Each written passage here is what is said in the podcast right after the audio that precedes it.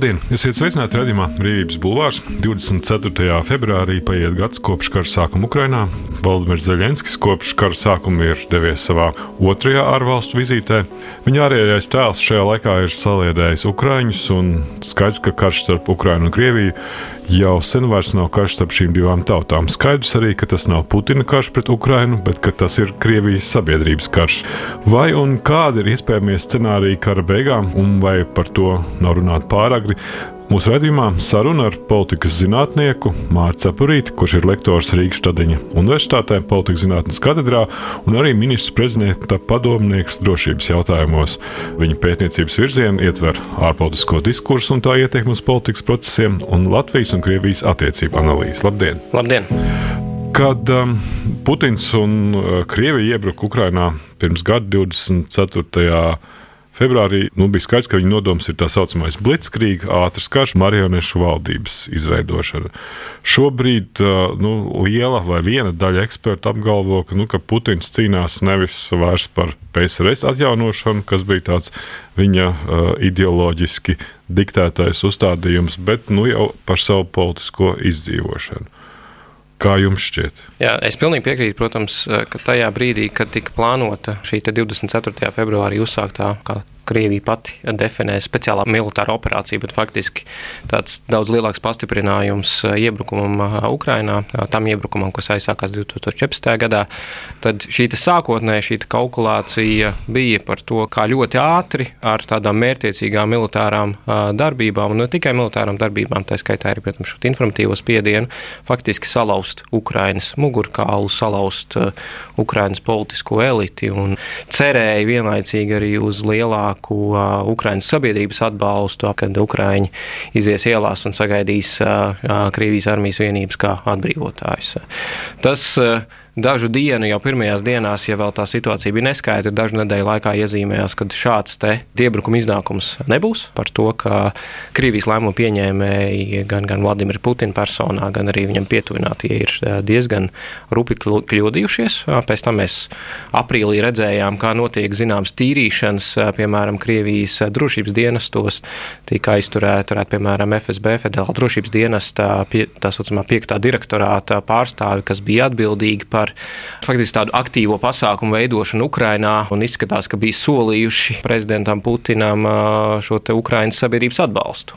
Bet tā kā tas neizpildījās, tad kopš mārta vidus, mārta otrā puses šī Krievijas invāzija sāk vairāk līdzināties vai nu tādam otrajam pasaules karam, vai mēs tagad rudens scenārijā jau redzam tādu gandrīz vai ierakumu kāru ar artilērijas apšaudēm, protams, modernizētā vers versijā, bet tas kļūst par tādu um, jau daudz uh, fiksētu konfliktu konfliktu. Krievijas mērķi un jāsaka arī, protams, Vladimira Putina mērķi iespējams, ka lielos vilcienos nav mainījušies, ka tomēr vismaz nekur publiski mēs neredzam atsaukumus attiecībā uz, uz šo iebrukumu, ka Krievijai būtu kaut ko citu vēlētos, jo joprojām paliek faktiski tas piedāvājums, kas publiskajā telpā ir tas, kas izskanēja pirms šīs invāzijas, ka tā ir NATO atkāpšanās atpakaļ uz, uz 97. gadā šīm robežām, Ukraiņas neutralitāte, Ukraiņas, protams, nepievienošanās NATO vai Eiropas Savienībai.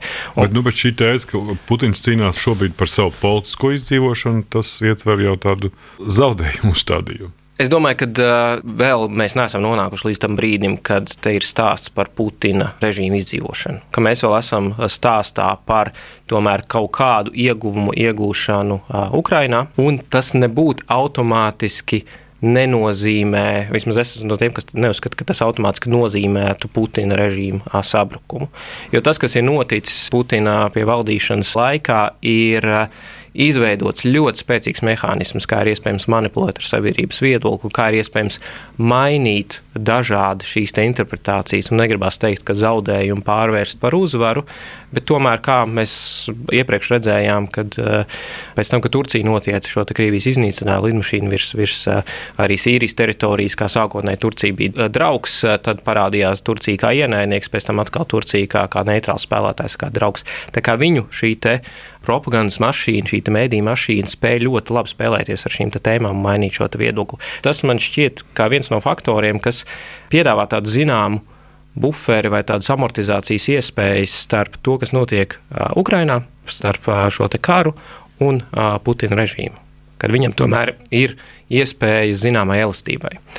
Bet, protams, tas, kā notiek, kā Krievijas armijai veids vai neveids Ukrainā, var mazināt uh, Putina režīma izredzes. Protams, bet tas nenotiks automātiski, tas notiks pakāpeniski, palielinoties spiedienam, palielinoties spiedienam, tā skaitā arī ekonomisko sankciju uh, rezultātā, kas jau tagad pamazām ir kļūst redzamāks arī uz Krievijas ekonomiku. Tur gan, protams, vēl varbūt ir kaut kas darāms, bet pakāpeniski šis spiediens akumulēsies. Bet tas, ka automātiski kāda viena vai otra uzvara vai viens otrs zaudējums novadīs pie Putina režīma sabrukuma, tam, diemžēl, es vismaz nelīdz galam rada šo apliecinājumu.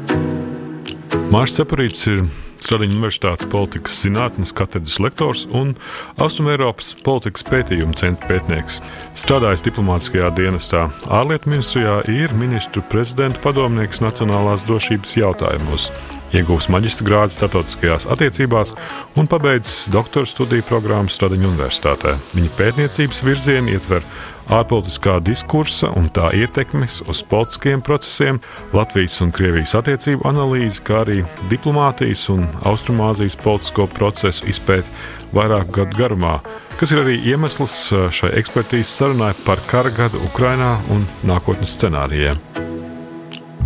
Zelenskis pagājušā nedēļā sniedza interviju Vācu nedēļas žurnālam uh, Viņš tur saka, un es eh, citēju, ka viņa prāt lielākā daļa Putina valstu jau ir norakstījušas, un viņš uzskata, ka situācija ļoti atgādina nu, Hitlera beigu posmu. Es varbūt arī šajā situācijā vēl Putina režīmu Vladimiru Putinu nenorakstītu. Nenorakstītu, protams, tur, kur mēs saredzam, ir, ka gada laikā Krievija ir nonākusi izolācijā, nonākusi izolācijā no rietumvalstīm.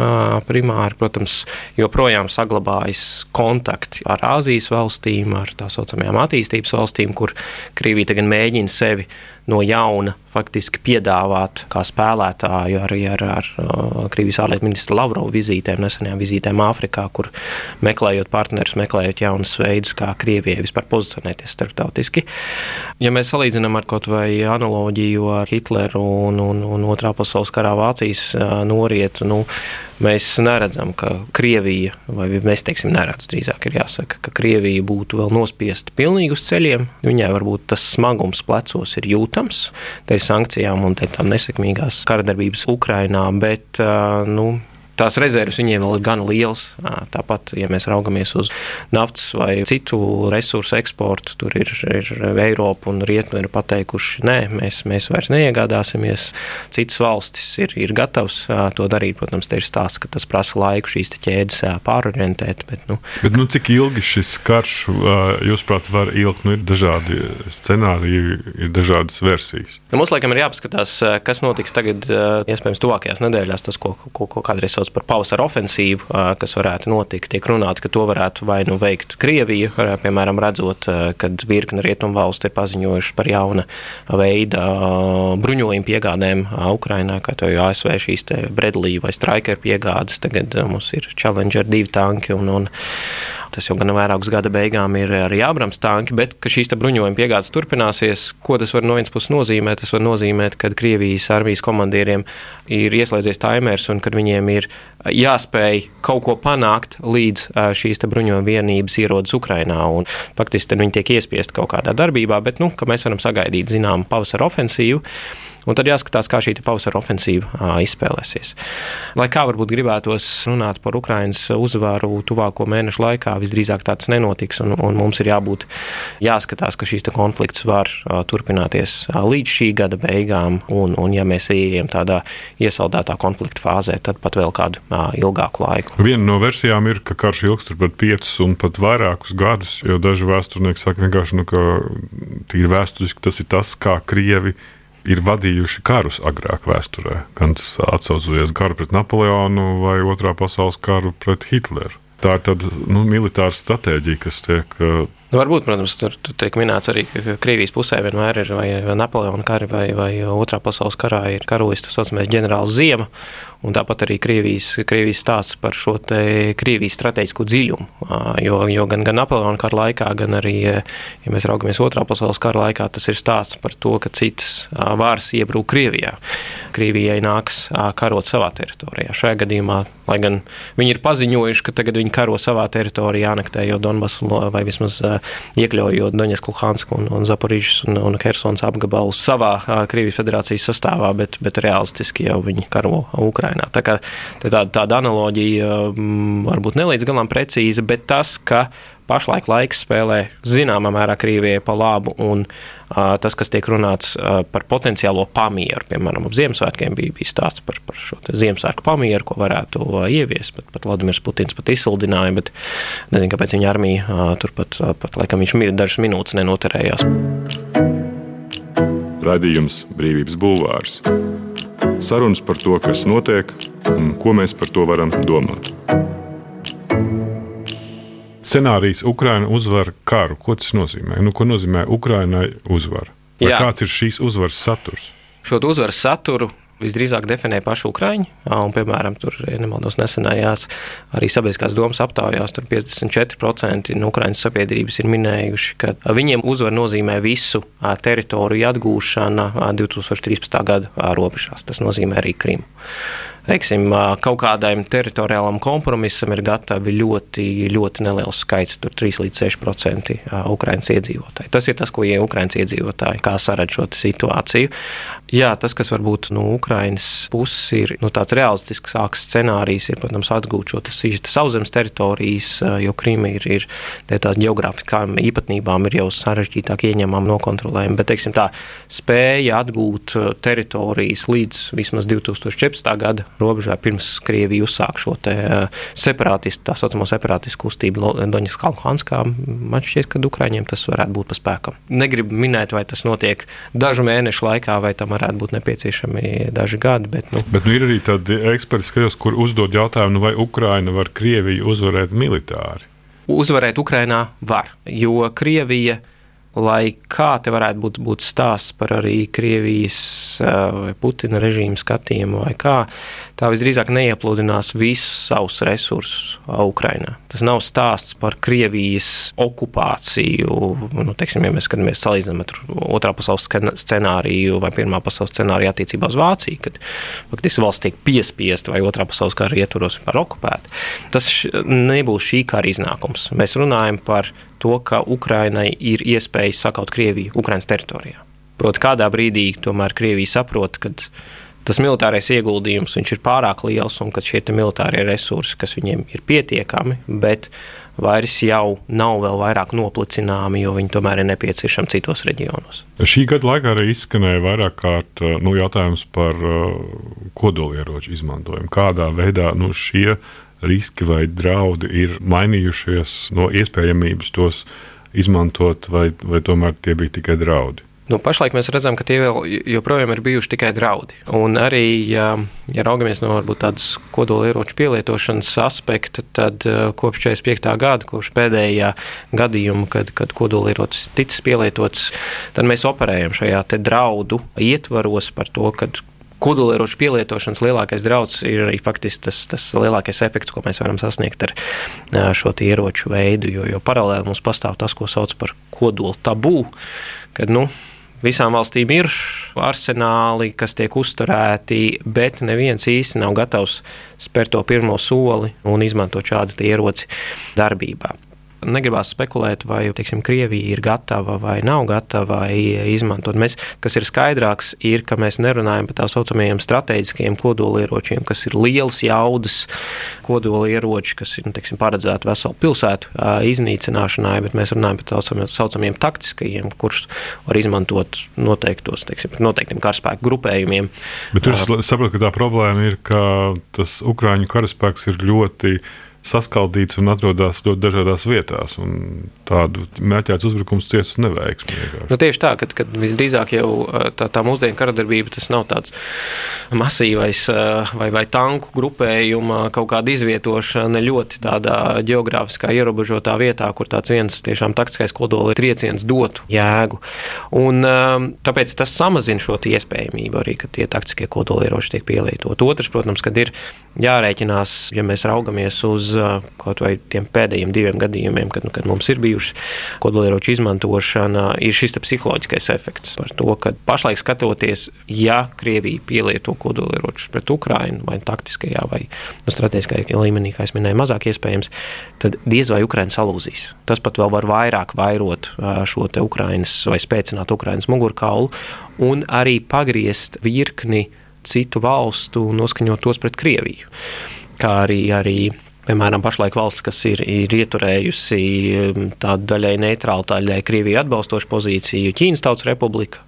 Tās līderis arī attiecībā uz kodolieroču izmantošanu ir bijis tāds vairāk aicināt tos neizmantot. Īpaši Krievija, ka šis nav brīdis, kad mēs tiešām atsakāmies no šī kodola, kodola tabū un izmantojam. Tā kā arī, ja Krievija to darītu, tad zaudētu arī to nelielo skaitu partneru, kas ir. Jo, jo pašlaik, piemēram, arī attīstības valstīs, kā, kā Āfrikā vai Āzijā, Krievija cenšas spēlēties ar šo te tā saucamo narratīvu par to, ka viņi jau ir konstruktīvie partneri, re, kur, piemēram, Ukrāņi ir tie, kas, kas neļauj eksportēt graudus un, un tā tālāk, bet šāda kodolieroču izmantošana viņu arī šo tēlu ievērojami pavainātu, pasliktinātu. Bulgāru politologs un intelektuāls Ivans Krasjovs ir izteicies, nu, ka daudzi kari tiek izšķirti ne pie sarunu galda un arī ne kaujas laukā, bet vēlēšanās. Respektīvi, kad pie varas nāk kāds, kuram nu, nav nekāda interese tālāk karot. Droši vien, ka šis nav jautājums par to, ka tāds variants būtu iespējams Krievijā. Jautājums ir par to, ka nākamā gadā ir nu, vēlēšanas Amerikas Savienotajās valstīs. Un, ja atgriežas nu, Trumps vai, vai tas pats gubernators Rons Deantis, nu, vai ASV politika var mainīties? Mainoties ASV administrācijām, ASV politika var mainīties. Tā ir tā realitāte prezidentālās valstīs, kur prezidentam šī ārpolitiskā kursa noteikšanā ir liela loma. Vēl viens faktors, protams, ir kaut kāda arī inerce. Inerce, kas ir attiecībā uz līdzinējo ASV atbalstu un arī tam, kā vienalga, kāda ASV administrācija būs, par to, kā viņi saredz šī te, Krievijas iebrukuma arī Ukrainā nozīmi plašāk starptautiski. Viens no scenārijiem, kas tiek pieļauts nākotnē attiecībā uz Ukrajinu, ir, ka risinājums varētu līdzīgs kaut kas Korejai. Nu, Ukraiņas sadalīšana. Jā, nu, tas varbūt bija. Kā minēts, viens no scenārijiem, ja nemaldos, sākoties šim konfliktam, kad Krievija varētu ieņemt šos Ukraiņas austrumu reģionus un, un rietumu palikt neatkarīgi. Tā, Tagad šis scenārijs nav īsti. Nu, tagad izskatās, nav, jo pirmkārt jau ir Krievija ir vismaz lēmusi par šo te, uh, virkni uh, Ukraiņas reģionu iekļaušanu Krievijas sastāvā. Tas jau, jau pasaka, ka viņi šīm te teritorijām pretendē. Otrakārt, uh, nu, Krievijai vairs jau nav tās jaudas, uh, jāsaka, lai nu, tādus masīvus teritorijas iekarot, vismaz tik masīvas, lai mēs varētu runāt par tādu tiešām izteiktu sadalīšanu. Bet tā sadalīšana var izpausties arī, protams, ka šis konflikts paliek iesaldēts esošajās robežās vai tuvu tām. Šādā ziņā, jā, bet nu, tas visdrīzāk būs laika jautājums, ka Krievija sāks jau daudz aktīvāk darboties uz šo te okupēto teritoriju kontroli. Brīvība, robežas, personība, vara, tauta, ideja, viedoklis, nākotne, dzīve un attieksme. Raidījums Brīvības Bulvārs. Šī gada janvārī no Eiropas parlaments uh, pieņēma rezolūciju izveidot tribunālu kara noziegumu izmeklēšanai Ukrajinā. Skaidrs, ka tas karš nebeigsies tik ātri, bet kāpēc šis instruments, nu, kāda ir viņa nozīme vai mērķi? Ja tas... Es domāju, ka tas mums ne tikai teiksim, Eiropas parlamenta formātā, tas arī, arī, arī citos formātos ir diskutēts par to, ka mums ir starptautiskai sabiedrībai ir jārada kaut kāds signāls par to, ka šāda veida konflikts turklāt beigsies ar kara tribunālu kaut kad. Ja? Bet nu, arī teiksim, tā, tās darbības, kas tiek īstenotas konflikta ietvaros, jo valsts mūsdienās karo, un, un, protams, karš nav tā tīrākā lieta, bet tas, kas parādījās šī Krievijas iebrukuma Ukrainā kontekstā, piemēram, Krievija atkāpjoties no Bučas, Irpiņas un citām teritorijām, kad ir vienkārši masu kapi un, un vēršanās, apzināta vēršanās pret civiliedzīvotājiem, nu, kas tiešām atgriež to, to kara vešanu jau vairāk līdzinās tai, kas ir, ir bijusi varbūt 20. gadsimta pirmajā pusē, kad nu, šādas darbības, arī kas pārkāpj Ženēvas konvencijas nosacījumus, nav pieļaujams. Tā kā šis signāls arī Krievijai par to, ka beidzoties karam būs arī tiesiskais mehānisms, kur ietvaros tiks izmeklēts un cerams arī atbildīgie saukti, nodarītājs saukt pie atbildības, ka viņš ir nepieciešams. Tas, protams, skatoties realistiski, vai mēs saredzēsim uz apsūdzēto soli Krievijas prezidentu vai viņas tuvākās politiskās elites pārstāvjus. Iespējams, bet nu, tas scenārijs ir, ir ļoti maz ticams. Bet, teiksim, kaut kur notvert kādu arī zemākā līmeņa šo izpildītāju, kas ir, ir paies daži gadi, dosies kādā atpūtas braucienā vai kur. Tā ir ļoti, tā ir ļoti liela iespējamība. Bet mums ir jābūt teiksim, šim te mehānismam, kā mēs arī varam vai kā starptautiski ir iespējams sodīt uh, tos, kas uh, nu, tādā tiešā veidā uh, to esošo starptautisko kārtību grauj. Kas notiek no scenārijas Putins nomirst. Nu, mums ir bijušas dažādas versijas par viņa veselības stāvokli visā šī kara gada laikā. Un tad notiek tas, laikam, daļēji, nē, jāsaka, tur ir, ja nemaldos, Čērčils lietoja, lai apzīmētu PSRS politisko sistēmu. Viņš minēja apzīmējumu, ka tas ir kā skatīties, kā zem paklāja cīnās buldogi. Ka, nu, to iznākumu mēs redzam tikai tad, kad tur kāds tiek izgrūsts laukā. Tā varbūt ir realitāte bijusi līdz šim, nu, pat hipotētiskā scenārijā, ka pēkšņi Krievijas prezidentam pasliktinās veselība vai, viņš tur nomirst.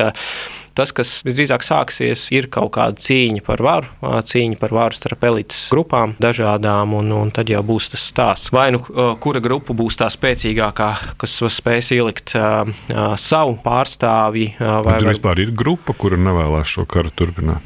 Nu, citējot krastievu. Es domāju, ka uh, viss neieinteresētākā šī kara iznākumā varētu būt uh, tieši ekonomisko aprindu pārstāvji, kuri tomēr, lai kā, bet tomēr cieš no viņiem uzliktajiem ierobežojumiem. Viņi varētu būt vistiešāk ieinteresētie, ja kaut kas tāds notiks, tad šo konfliktu izbeigt. Bet uh, drīzāk jau teiksim, tā, tā līdera nomaiņa, drīzāk jāsaka tā, ja tas karš attīstās Krievijai nevēlamā virzienā un dažādu kustību laikā mēs nonākam pie jauna līdera, tas viņam ir izdevīgs brīdis, lai restartētu vai piedāvātu jaunu attiecību modeli ar rietumiem.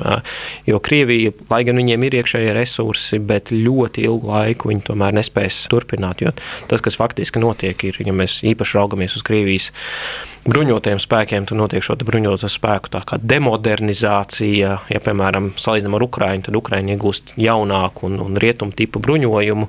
Tas, kas notiek Krievijas armijas gadījumā, ka viņi sāk no savām noliktavām, teikt, vilkt padomi laika ražojumus, un nesen bijuši sižeti, ka pat šur tur uz fronti nosūtīs arī tā saucamos T3, 4 tankus, ko vēl otrā pasaules karā jā, izmantoja. Tas notiek, un tas notiek arī zināmā mērā Krievijas sadzīvē, kad nu, virkni jau no šīm luksus lietām tiek liektas pakāpeniski. Jau tas var, neksim, kā tā Krievijas autoindustrija vai pieejama šīm auto, automašīnām, ka tas Krievijai un Krievijas sabiedrībai šo dzīvi padarīs tādu nevēlamāku un tā kā izmantot kādu izdevīgu brīdi, lai šo konfliktu izbeigtu. Tas varētu būt viens no stāstiem. Bet nu, tur ir arī tālāk varbūt tas izaicinājums, lai um, nenotiktu tas, kas notika 2008. gadā, kad mums bija šis interesantais periods, kad, kad Vladimirs Putins pēc diviem prezidentūras termiņiem nodeva prezidentūru Dmitrijam Medveģevam, un Dmitrijs Medveģevs tajā laikā bija liberāls, tagad viņš ir tāds ultranacionālistisks, agresīvs politiķis palicis. Virkne arī Rietumvalsts izvēlējās šo brīdi, lai atjaunot attiecības ar Krieviju. Tagad mēs redzam, ka tam nebija īsti sēgumu, un pat liberālais Dmitrijs Medveģevs nemainīja šo Krievijas ārpolitisko kursu. Kā mums ir jābūt arī, ja notiek līderu maiņa Krievijā, mums ir jābūt diezgan uzmanīgiem, kā mēs raugamies, vai tiešām ļoti mainīsies Krievijas ārpolitiskais kurs, Krievijas domāšana, Krievijas redzējums par pasauli un veids arī, kā viņi to īsteno. Pēc valsts neatkarības atjaunošanas un PSRS sabrukuma Latvija 90. gadu sākumā sastapās ar situāciju, ka valstī dzīvoja vairākas minoritāšu grupas - krievi, baltkrievi, ukrāņi, kuri valsts teritorijā bija nonākuši pēc resmigrācijas programmu ietvaros. Šie iedzīvotāji Latvijā jau dzīvoja vairākus gadus, vai pat gadu desmitus. Savā dzimtenē atgriezties tie nespēja, bet arī Latvijas pilsonības kritērijiem daudzi no viņiem neatbild. Bija plānots, ka šie iedzīvotāji par Latvijas pilsoņiem kļūs naturalizācijas kārtībā. Tomēr pēc šodienas situācijas varam novērot, ka valsts institūciju prognozes nav bijušas diezgan precīzas, jo Latvijā joprojām mitinās vairāk tūkstoši nepilsoņu. Šeit jāpiebilst, ka Latvijas kaimiņu valsts Krievija ir atturējusi Latvijas nepilsoņus no naturalizācijas, uzdodoties par krievlodīgo aizstāvi. Tā savā pētījumā ārpolitiskie mīti Latvijā, Eiropas Savienība un Krievija rakstīja Mārcis Ceprīts pirms dažiem gadiem.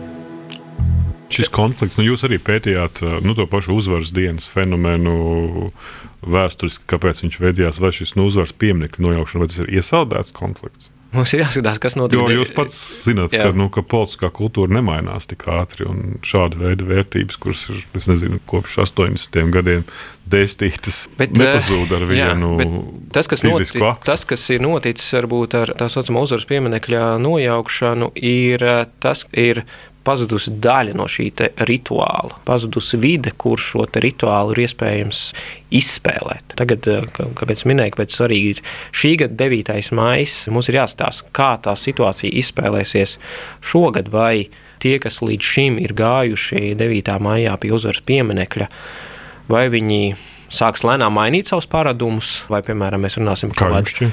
Te ir varbūt jautājums drīzāk sociologiem vai sociālantropologiem, eh, kā politologs var tikai kaut kādas scenārijas iezīmēt, ka viens ir varbūt, ka mēs runāsim par kaut kādu atomizāciju, ka tie cilvēki turpinās atzīmēt, bet tas notiks dzīvokļos, dārzos un cepjot šašliku un, un, un, un tam līdzīgi. Tas, kas ir iespējamība, ir, ka mainīsies nedaudz šis fokus, kad mums joprojām Latvijā ir virkne šo padomju karavīru abedījumu vietas, cita veida memoriāli faktiski, kur arī līdz šim ir Krievija un, un tās interešu aģenti mēģināšu aktīvi darboties, piemēram, tas pats Salaspils memoriāls. Bet atkal šīs vietas nav piemērotas, nu, jāsaka, balītēm. Tā kā tas bija 9. mājā pie uzvaras pieminiekta, ka tas bija tāds izklaides pasākums ar, ar tādiem piemiņas elementiem, šovu elementiem. Nu, šādās memoriālās vietās tas īsti nav atļaujams. Iespējams, ka būs kaut kāds mikls kādu laiku ar, ar to, ka notiks ziedu nolikšana, bet jau vairākās tādās decentralizētās vietās, un varbūt pēc tam tā svinību daļa būs tāda automizēta. Bet attiecībā varbūt vēl viens punkts, kur tā Krievijas, nu jāsaka, tā humanitārā vara, var saukt to par maigo varu vai aso varu, vai teiksim, tas, kā viņi centās sevi pozicionēt kā krievlodīgo tautiešu aizstāvi, kur tas ir iedragāts. Arī ar kadriem no Ukrainas, kur virkne arī šo Ukrainas pilsētu, kur vairākums, nemaldos, Harkiv bija viena no tādām, Mariupola bija vēl viena, kur vairākums iedzīvotāji ir krievi vai krievlodīgie. Tur 85% lasīja ir kopumā antikrievisks noskaņojums Ukrainā. Mēs redzam, un tur, teiksim, kara sākumā bija šīs epizodes, kad Krievijas artilērija diezgan brutāli īstenot triecienus par šīm dzīvojamām ēkām, nu, pēc tam arī kā tiek īstenot darbības pret civiliedzīvotājiem. Nu, Krievija ir parādījusi, kā tā saucamā Krievu pasaule, kā viņi izskatās, un ka tas krievlūdīgais vai tautietis tādā Kremļa lielajā strateģiskā redzējumā īsti nav nekas. Tas Latvijas iedzīvotāji, kas ir bijuši pirms tam prokrieviskāki un pret Putinu pozitīvi noskaņoti, ir licis viņiem, nu, ja ne mainīt savu viedokli radikāli, tad vismaz sākt šaubīties vai tiešām tas, ko viņi līdz šim ir Krievijas televīzijā skatījušies un kam viņi ir ticējuši, ir tā patiesība. Protams, tas, vai viņi vienā dienā vai divās dienās mainīs savu viedokli, tas tik ātri nenotiks, bet jau tās šaubas ir tās, ko, piemēram, ar kurām mēs varam sākt strādāt ar kaut vai tiem krievlīgiem mēdījiem, kas tagad sāk bāzēties Latvijā. Mēs varam runāt par vai, nu, vai Medūza vai Radio Brīvā Eiropas. Daži beidz bāzēties. Daži beidz bāzēties, bet ar tiem mēs kaut kādā mērā varam mēģināt tur uzrunāt šīs sabiedrības daļas. Nu, nevis mēs kā valsts, bet teiksim, viņas var mainīt savu skatījumu, orientēties uz citām ar informācijas plūsmām. Paldies! Tas bija politologs un ministrs prezidenta padomnieks drošības jautājumos Mārcis Caparīts, radījums Brīvības bulvārs. Mans vārds Gins Grūve, radījuma ierakstīja Toms Šits un Monteja Nora Mitspapa. Paldies! Brīvība ir brīvība nevienlīdzība vai taisnīgums, vai kultūra vai cilvēks laime. Tā teica Iesai Berlīns. Sarunas ar brīvas apziņas un ideju cilvēkiem radījumā Brīvības bulvārs.